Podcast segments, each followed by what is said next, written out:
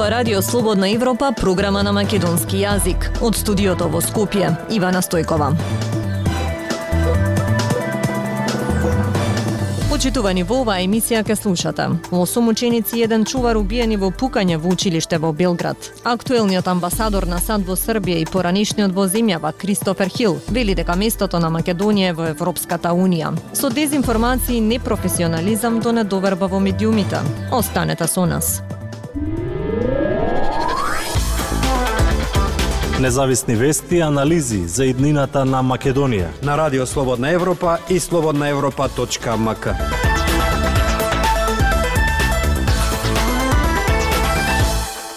Осум ученици и еден чувар се убиени во пукање во основното училиште Владислав Рибникар во центарот на Белград. Ранети се шест деца и еден наставник на кој им ја окажана помош во ургентниот центар. Деталите во продолжение.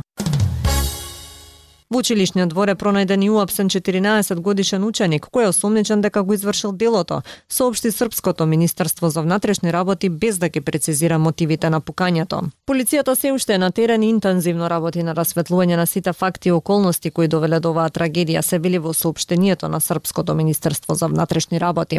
Во врска со пукањето што се случи во 8 часот и 40 минути, МВР предходно соопшти дека ученикот седмо одделение испукал неколку куршуми од пиштолот на неговиот татко кон учениците и обезбедувањето на училиштето. Сите ученици кои биле во училиштето се евакуирани преку споредниот влез во зградата, а од утрово се блокирани сите улици околу училиштето. Голем број амбулантни возила кои беа паркирани си заминаа додека се изнесуваат телата на загинатите.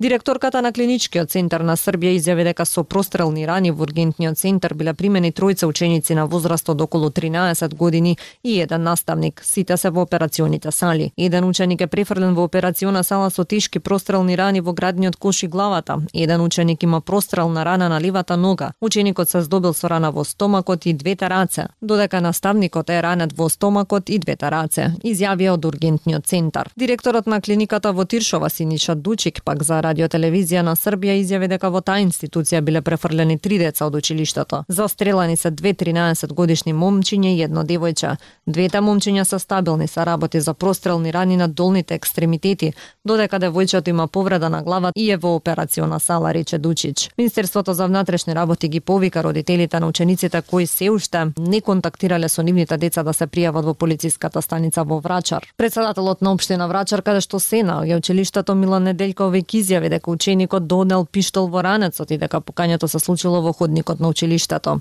Тој рече дека училиштето има безбедносни камери, но нема детектори за метал. Децата се под стрес, вакво нешто не е забележено во историјата на белградските училишта, изјави Неделковиќ. Беше страшно, изјави за новинарите 14 годишен ученик како беше изнесен од училиштето.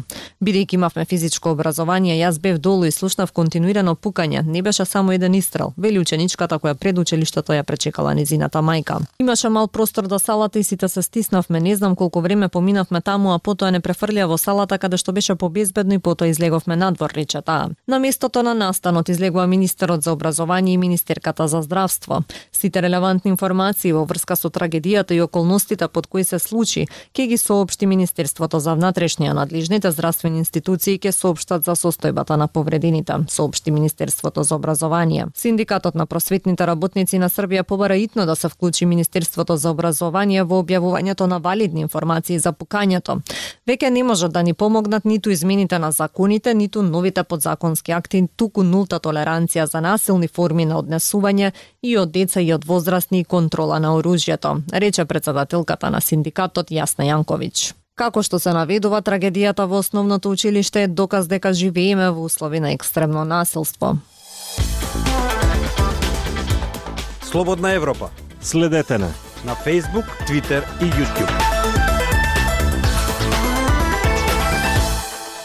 Актуелниот амбасадор на САД во Србија и поранишниот во земјава Кристофер Хил вели дека местото на Северна Македонија е во Европската унија и дека процесот за остварување на таа цел е одговорност на политичките лидери тука. Според него отворените прашања во регионот треба да се решаваат на мирен начин бидејќи последиците ги чувствуваат сите други. Марија Тумановска. Пораки за поголема соработка меѓу земјите од Западен Балкан, потреба од справување со корупцијата и водење подобри економски политики испрати Кристофер Хил, актуелниот американски амбасадор во Србија и поранешен амбасадор во нашата држава. На конференцијата за регионални безбедносни предизвици и неодамнешни случувања во земјите од Западен Балкан, организирана од председателскиот центар за политичко образование, Хил одговараше на прашања на студентите на алумни школата за политики. Како добар познавач на состојбите во регионот, зборуваше за диалогот Косово-Србија, укажувајќи на тоа дека евентуалното продолжување на тензиите ќе бидат штетни за целиот регион. Истакна дека диалогот е тежок процес и како што рече, тонот меѓу засегнатите страни не му се допаѓа. Сепак ги поздрави напорите на медиаторите и порача дека двете страни мора да продолжат да разговараат. I think uh, the continued tensions with Kosovo uh, between Kosovo and Serbia are harmful to the whole region.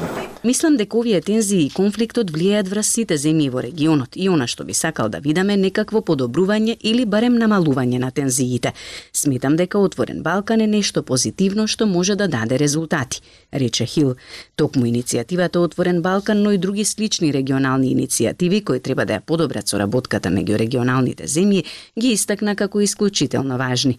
Иако некои зборуваат дека Отворен Балкан и други иницијативи се некаква завера, нема докази за таков пристап, вели американскиот амбасадор.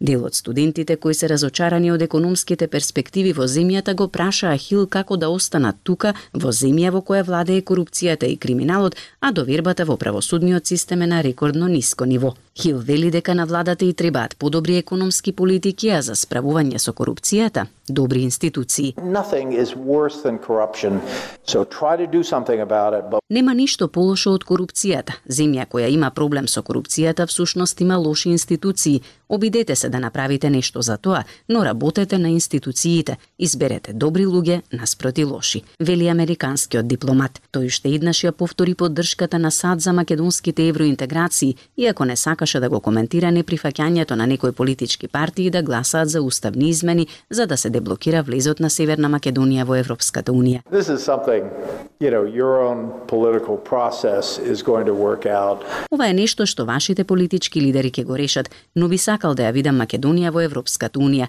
Тоа е најдобрата работа за оваа држава и јас нема да ви кажам како да го направите тоа или како да се справите со луѓето кои не се согласуваат со процесите. Но сакам да ја видам Македонија во Европската унија, порача Хил. Тој меѓу другото се осврна и на засиленото руско влијание на Балканот, категоричен е дека актуелното руско лидерство ја однесе како што рече цивилизацијата во шумата и порача дека Соединетите држави и нејзините сојузници не смеат да дозволат војната да продолжи. Радио Слободна Европа, светот на Македонија. Во Македонија новинарите не работат во непријателско обкружување, но поради дезинформациите и недостигот на професионализам опаѓа довербата на јавноста во нив, што ги изложува независните медиуми на закани и напади, наведува во својот извештај репортери без граници. Годинава има скок во рангирањето, но тоа не треба да не залажува, велат од новинарските организации. Пелагија Стојанчова. Северна Македонија се враќа во групата на земји во кои има задоволителна слобода на медиумите. Организацијата Репортери без граници годинава ја рангира на 38-то место од вкупно 180 земји во светот, според глобалниот индекс за слобода на медиумите. Тоа е скок од 19 места во однос на 2022 и напредок од 52 места во споредба од пред две години. Годинишниот резултат е најдобар во последните 15 години. Земјава подобро рангирана била во 2009 кога била на 34-тото место. Од тогаш се забележува пат и земјата спагаеше во групата со проблематична или лоша состојба на медиумите. Но и покрај напредокот. Во извештајот се наведува дека новинарите неретко се соочуваат со политички и економски притисок, а дека двете најголеми партии, таа на власт и таа во опозиција, си створиле паралелни медиумски системи. Има скок, но ако се загледаме подлабински во параметрите, има посериозни проблеми, вели Павле Беловски, преседател на Синдикатот на новинари и медиумски работници работници. Тој ги нотира лошата социоекономска сигурност на новинарите и медиумските работници, лагите, дезинформациите, а синдикатот укажува и на нови состојби. Тоа е а, политизирање на медиумите, односно ако порано имавме политичко влијание во медиумите, сега веќе имаме и а, партиски медиуми. Рече Беловски на карводарителски настан за одбележување на светскиот ден на медиумите. Според репортери без граници, Северна Македонија годинава е најдобро позиционирана во регионот на Западен Балкан. Најлошо позиционирани пак се Србија и Албанија. Репортери без граници во извештаот за Северна Македонија наведуваат дека иако новинарите не работат во непријателско обкружување, расширените дезинформации и недостигот на професионализам придонесуваат за опаѓање на довербата на општеството во медиумите, што пак ги изложува независните медиуми на закани и напади. Продолжува и тенденцијата да владините функционери да имаат лоши и понижувачки ставови кон новинарите, се наведува во извештаат.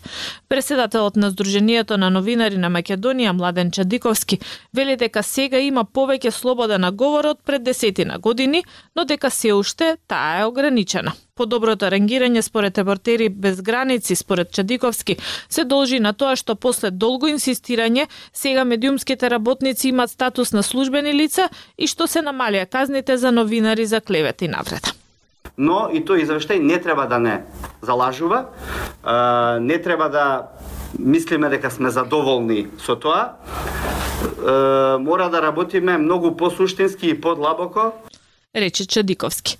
Репортери без граници ги рангира земјите според неколку параметри. Северна Македонија најдобро стои според индикаторот законодавство, а најлошо според индикаторот безбедност. Дайте ни 15 минути и ние ќе ви го дадеме светот. Слободна Европа.мк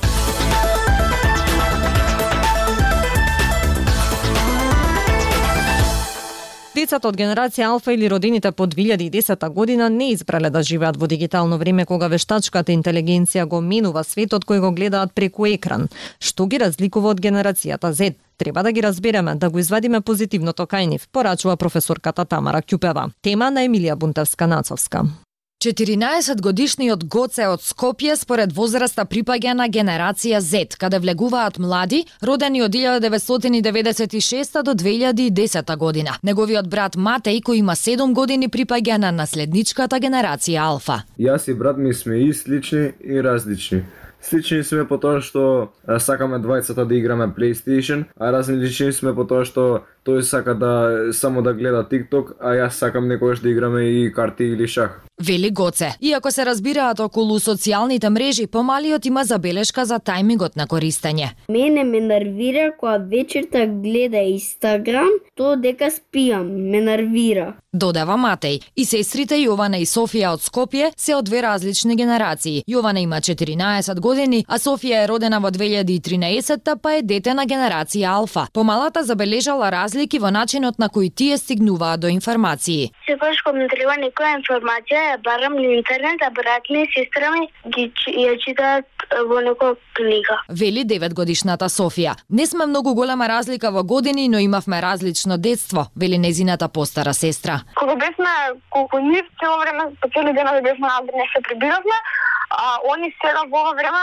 повеќето време седат дома на видеоигрици или онлайн. Изјави Јована. Она што ги обединува Гоце, Мате, Јована и Софија, односно нивните генерации, е дигиталното време во кое живеат. Сепак во последната деценија дигитализацијата доживува поголем бум. Ген Z и Алфа имаат нишки кои ги поврзуваат, но сепак има разлика, вели професорката по македонски јазик Тамара Ќупева, која истражува во областа на образованието и комуникациите. Генерацијата полна со јутјубери, тиктокери и геймери ја нарекува и генерација на скринејџери, дигитални домородци и номади во отворениот онлайн простор, но и стаклена генерација. Го восприемаат светот низ екранот, низ стаклото на екранот. Вели Ќупева. Заради инсистирањето на околностите, најмногу и на родителите, оваа генерација е ставена во ситуација веднаш да расте, созрева и да го спознава светот преку екранот, и тоа ќе ја направи поразлична од сите други, смета професорката. Како најголема закана, таа го смета тоа што младите од Алфа може да бидат и лесно кршливи, бидејќи важат за емоционално ранливи, од и немале време да созреат. Ако свеста на родителот е висока, детето сепак ќе биде подготвено за живот во ова време време, посочува професорката. Тоа беше се во вестите на Радио Слободна Европа од студиото во Скопје. Со вас беа Ивана Стојкова и Дејан Балаловски. До слушање.